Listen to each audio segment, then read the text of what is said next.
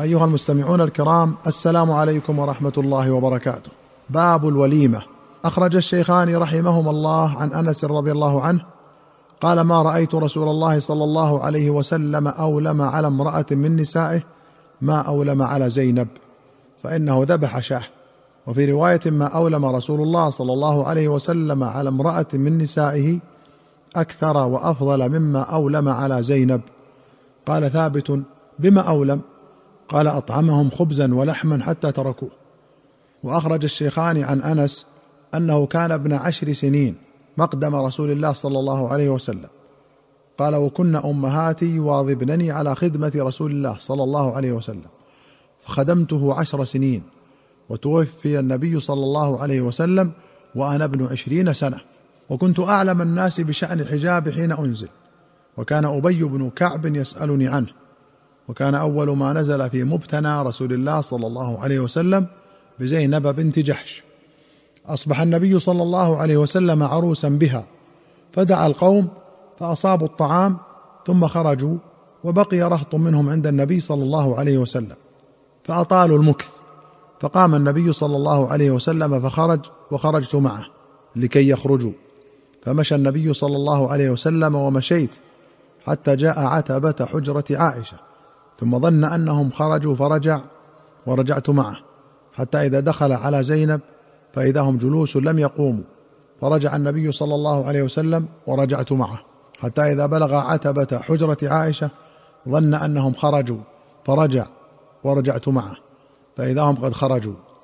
فضرب النبي صلى الله عليه وسلم بيني وبينه بالستر وأنزل الحجاب.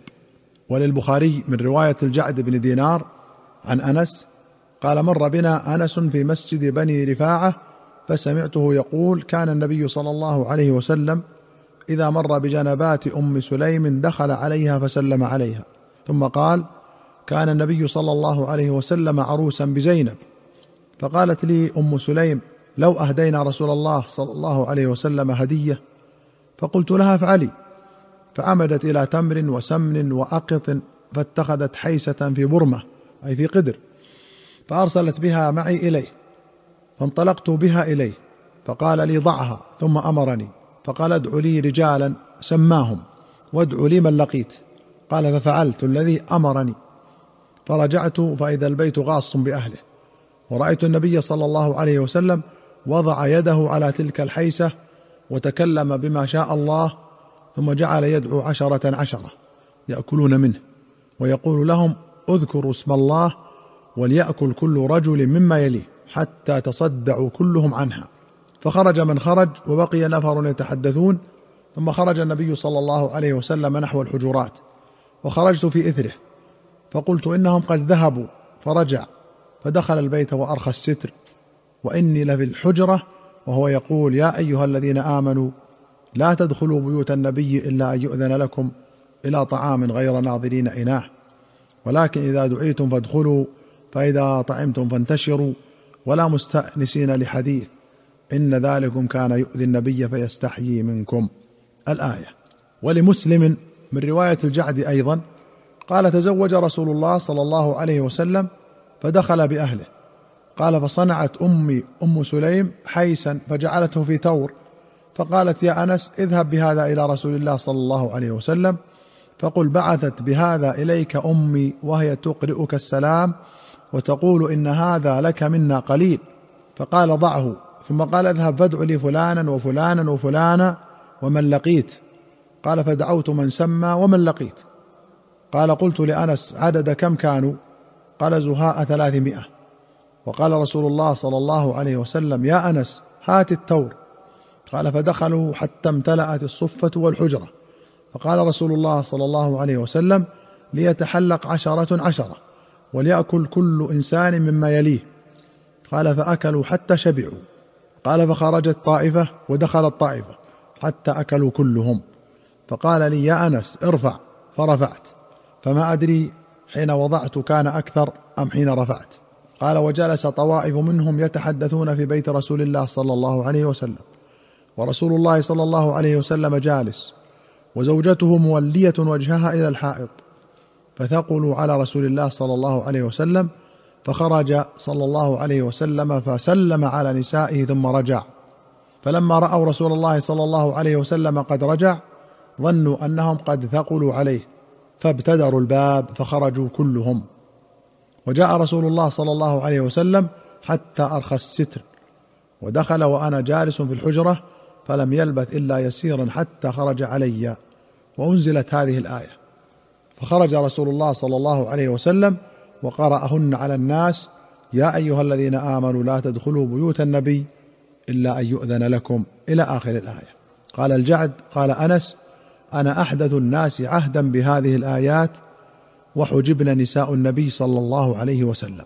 وفي أخرى للبخاري قال بنى النبي صلى الله عليه وسلم بزينب فأولم بخبز ولحم فأرسلت على الطعام داعيا فيجيء قوم فيأكلون ويخرجون ثم يجيء قوم فيأكلون ويخرجون. فدعوت حتى ما أجد أحدا أدعو. فقلت يا نبي الله ما أجد أحدا أدعو. قال ارفعوا طعامكم. وبقي ثلاثة رهط يتحدثون في البيت. فخرج النبي صلى الله عليه وسلم فانطلق إلى حجرة عائشة فقال السلام عليكم أهل البيت ورحمة الله. فقالت وعليك السلام ورحمة الله. كيف وجدت أهلك؟ بارك الله لك. فتقرى حجر نسائه كلهن أي تتبعهن. يقول لهن كما يقول لعائشة ويقولن له كما قالت عائشة. ثم رجع النبي صلى الله عليه وسلم فإذا رهط ثلاثة في البيت يتحدثون. وكان النبي صلى الله عليه وسلم شديد الحياء فخرج منطلقا نحو حجرة عائشة. فما أدري آخبرته أو أخبر أن القوم قد خرجوا فرجع. حتى إذا وضع رجله في أسكفة الباب أي عتبته داخلة وأخرى خارجة أرخى الستر بيني وبينه وأنزلت آية الحجاب. وفي أخرى له قال أولم رسول الله صلى الله عليه وسلم حين بنى بزينب بنت جحش فأشبع الناس خبزا ولحما. وخرج إلى حجر أمهات المؤمنين كما كان يصنع صبيحة بنائه فيسلم عليهن ويدعو لهن ويسلمن عليه ويدعون له. فلما رجع إلى بيته رأى رجلين جرى بهما الحديث فلما رآهما رجع عن بيته فلما رأى الرجلان أن النبي صلى الله عليه وسلم رجع عن بيته وثبا مسرعين فما أدري أنا أخبرته بخروجهما أو أخبر فرجع حتى دخل البيت وأرخى الستر بيني وبينه وأنزلت الآية الحجاب. قوله تعالى غير ناظرين إناه أي غير منتظرين لنضجه. وأنا الشيء يأني وآن يئين أي حان وأدرك وبلغ غايته. وأخرج البخاري عن صفية بنت شيبة رضي الله عنها قالت أولم النبي صلى الله عليه وسلم على بعض نسائه بمدين من شعير. أيها الإخوة المستمعون إلى هنا نأتي إلى نهاية هذه الحلقة. حتى نلقاكم في حلقة قادمة إن شاء الله. نستودعكم الله. والسلام عليكم ورحمة الله وبركاته.